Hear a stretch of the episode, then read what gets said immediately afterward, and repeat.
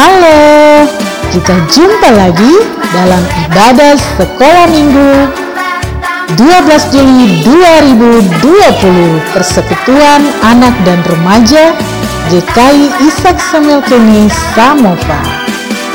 Apa kabar semuanya? Semoga semua sehat-sehat ya, selalu semangat dan sukacita. Sukacita, sukacita, yes, yes, yes, aku diberkati. Nah, untuk mengawali ibadah sekolah minggu di pagi hari ini, kita bersama-sama menyanyi dalam pujian Bilurnya, Bilurnya.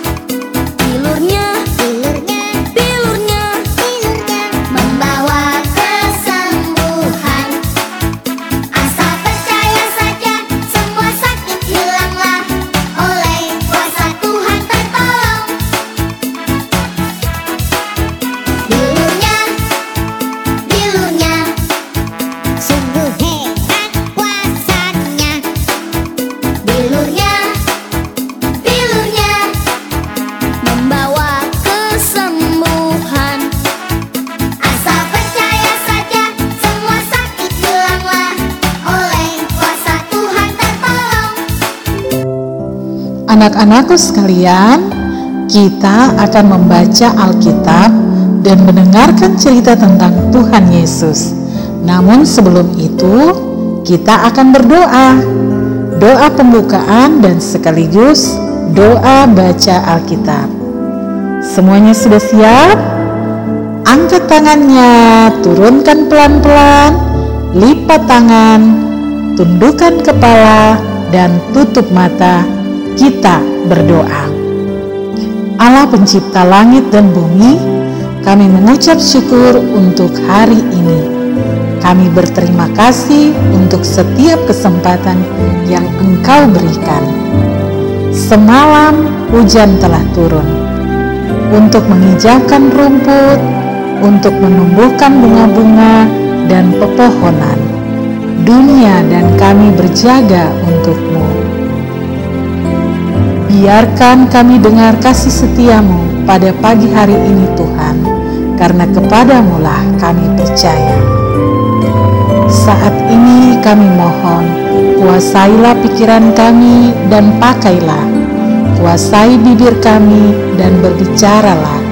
Kuasai hati kami dan gelorakanlah, karena kami siap mendengar firman-Mu. Amin. Bacaan firman Tuhan untuk kita di pagi hari ini terdapat di dalam kitab perjanjian baru yaitu Injil Lukas pasal 13 ayat 10 hingga ayatnya yang ke-17. Dengan perikop menyembuhkan orang sakit pada hari Sabat. Pada suatu kali Yesus sedang mengajar dalam salah satu rumah ibadat pada hari Sabat. Di situ ada seorang perempuan yang telah 18 tahun dirasuk roh sehingga ia sakit sampai bungkuk punggungnya dan tidak dapat berdiri lagi dengan tegak. Ketika Yesus melihat perempuan itu, ia memanggil dia dan berkata kepadanya, "Hai ibu, penyakitmu telah sembuh." Lalu ia meletakkan tangannya atas perempuan itu, dan seketika itu juga berdirilah perempuan itu dan memuliakan Allah. Tetapi kepala rumah ibadat gusar karena Yesus menyembuhkan orang pada hari Sabat. Lalu ia berkata kepada orang banyak, ada enam hari untuk bekerja. Karena itu, datanglah pada salah satu hari itu untuk disembuhkan, dan jangan pada hari Sabat.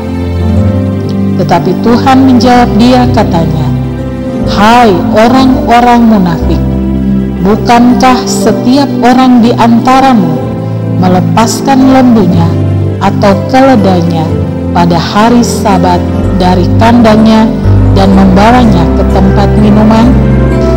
Bukankah perempuan ini yang sudah 18 tahun diikat oleh iblis harus dilepaskan dari ikatannya itu karena ia adalah keturunan Abraham dan waktu ia berkata demikian semua lawannya merasa malu dan semua orang banyak bersuka cita karena segala perkara mulia yang telah dilakukannya.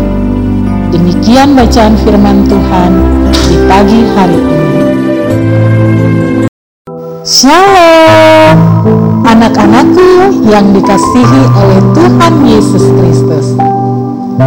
Dalam beberapa minggu ini, kita terus belajar dari firman Tuhan tentang penyertaan dan kasih setia Tuhan kepada kita, walaupun terkadang kita tidak setia. Contohnya nih, Tuhan kan terus menjaga dan memberi perlindungan kepada kita setiap hari kan?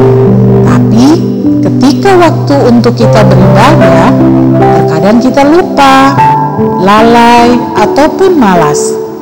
Padahal beberapa waktu ini kita ibadahnya di rumah sendiri.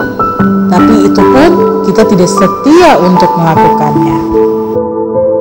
Nah, anak-anakku yang dikasihi Tuhan Yesus, cerita firman Tuhan kita di minggu pagi ini mengisahkan tentang seorang perempuan yang walaupun dalam keadaan sakit selama 18 tahun, bahkan sampai bungkuk tubuhnya, ia tidak bisa berdiri tegak, tetapi ia rajin beribadah di ibadah. Coba anak-anakku bayangkan, kalau kita ada dalam posisi perempuan itu, pasti sangat menderita sekali ya. Nah, mari kita dengarkan kisahnya.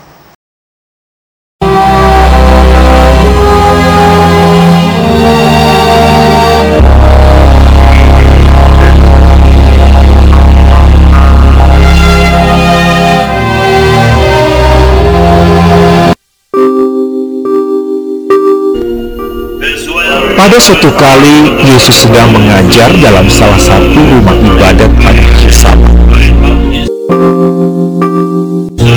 Di situ ada seorang perempuan yang telah 18 tahun dirasuk roh sehingga ia sakit sampai bungkuk punggungnya dan tidak dapat berdiri lagi dengan tegak.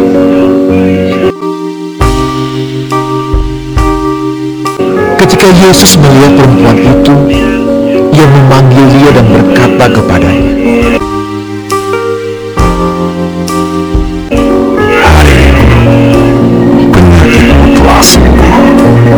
Lalu ia meletakkan tangannya atas perempuan itu. Dan seketika itu juga berdirilah perempuan itu dan memuliakan Allah.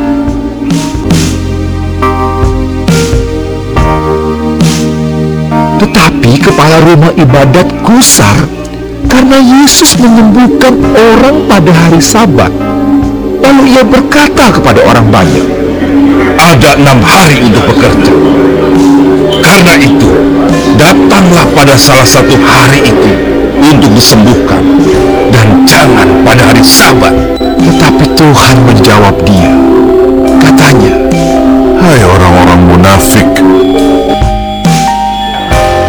Bukankah setiap orang di antaramu melepaskan lembunya atau keledainya pada hari sabat dari kandangnya dan membawanya ke tempat minuman?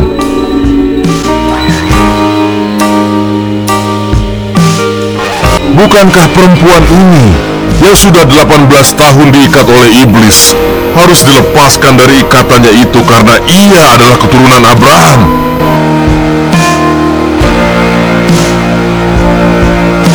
Dan waktu ia berkata demikian, semua lawannya merasa malu. Dan semua orang banyak bersuka cita karena segala perkara mulia yang telah dilakukannya.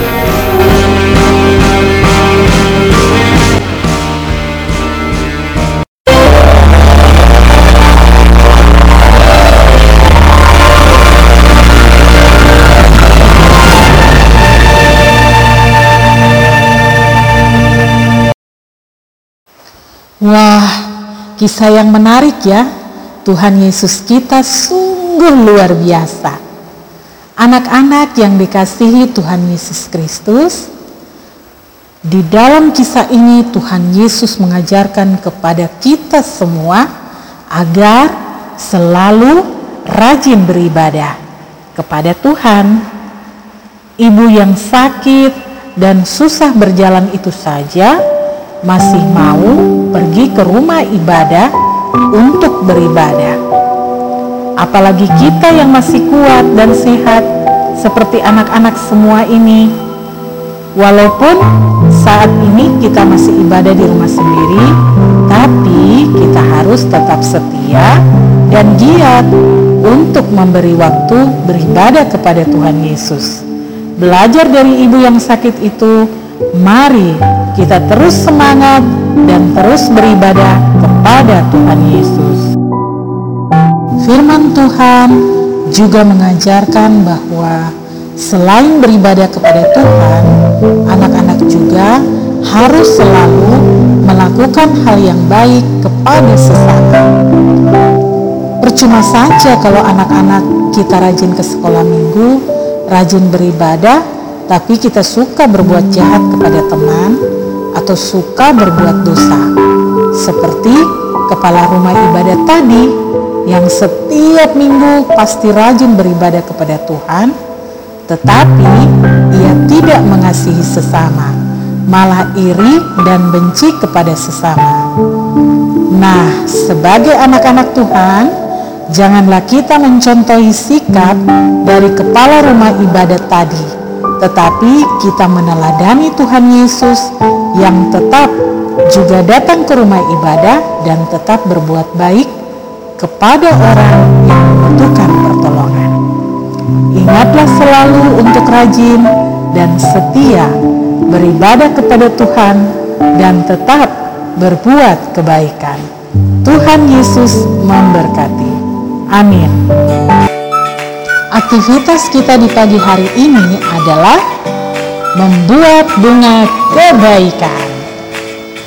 Bahan yang digunakan kertas warna-warni atau origami, gunting, lem, stick es atau tusuk sate, dan gelas mineral. Langkah pembuatannya gunting kertas warna-warni dengan pola bunga.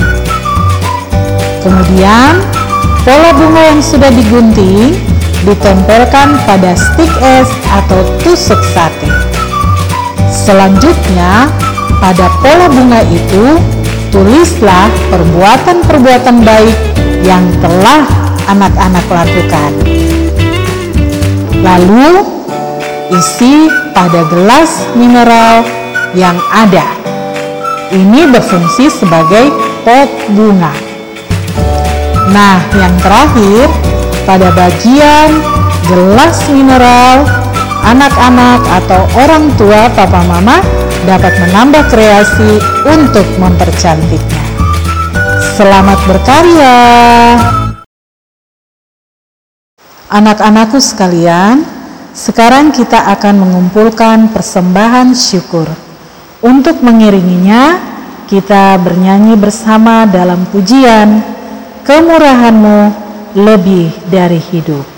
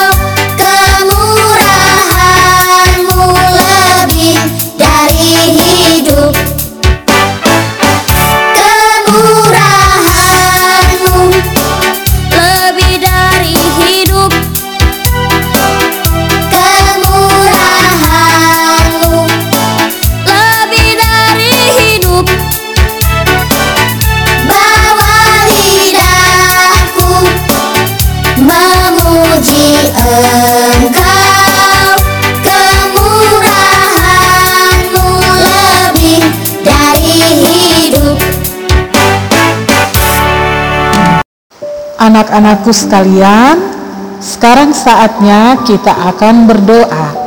Doa syukur dan berkat.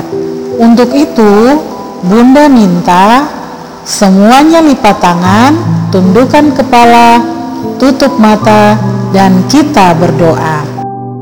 Ya Allah, ya Tuhan kami, Yesus Kristus, kami berterima kasih untukmu di pagi hari ini atas kesempatan yang Engkau berikan. Kami telah memuji-muji dalam pujian-pujian kami. Tuhan, jadikanlah hati kami tempat para malaikat bernyanyi. Kami pun sudah membaca Alkitab dan mendengar tentang firman kebenaran-Mu. Dalam kisah, Engkau menyembuhkan orang sakit pada hari Sabat. Ajarlah kami untuk menjadi pelaku-pelaku firman-Mu. Ya Allah, Engkau hebat melebihi segala sesuatu yang kami lihat dan kami bayangkan. Kami berdoa untuk semua orang sakit. Tolong berikan kedamaian dalam penderitaan mereka. Berkati setiap makanan dan obat-obatan yang mereka konsumsi agar dapat menjadi mujizat kesembuhan bagi mereka. Kami pun yakin hanya dengan bilur-bilurmu kami yang percaya pasti sembuh. Ya Tuhan kami, terkadang sulit bagi kami untuk melakukan hal yang benar.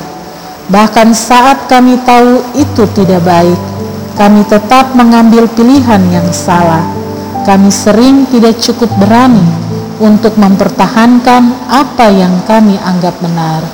Tolong kami agar lebih kuat dan tolong tunjukkan jalan yang harus kami lalui.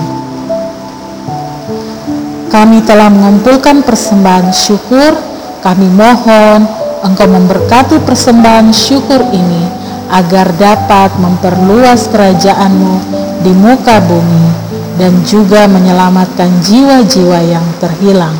Kami yakin berkat berlipat ganda Engkau curahkan bagi kami di dalam hari-hari hidup kami. Ya Allah, kami memohon ampun atas kesalahan yang telah kami lakukan. Kami memohon ampun atas kesalahan yang telah kami ucapkan. Untuk kesalahan di hati kami, tolong ampuni kami dan tolong kami untuk hidup sebagaimana yang Engkau kehendaki. Inilah kami ya Allah, angkatlah jiwa kami, bebaskanlah kami dari dosa, terimalah impian kami, harapan kami, dan rencana kami, genggamlah masa depan kami di tanganmu. Tuhan Yesus, Engkau berdoa kepada Bapamu di sorga, Jadilah kehendakmu bukan kehendakku. Bantulah kami mengikuti teladanmu. Bantulah kami untuk melakukan hal-hal yang menyenangkanmu dan berada di jalan yang telah engkau tetapkan untuk kami di hari ini sampai selama-lamanya. Amin.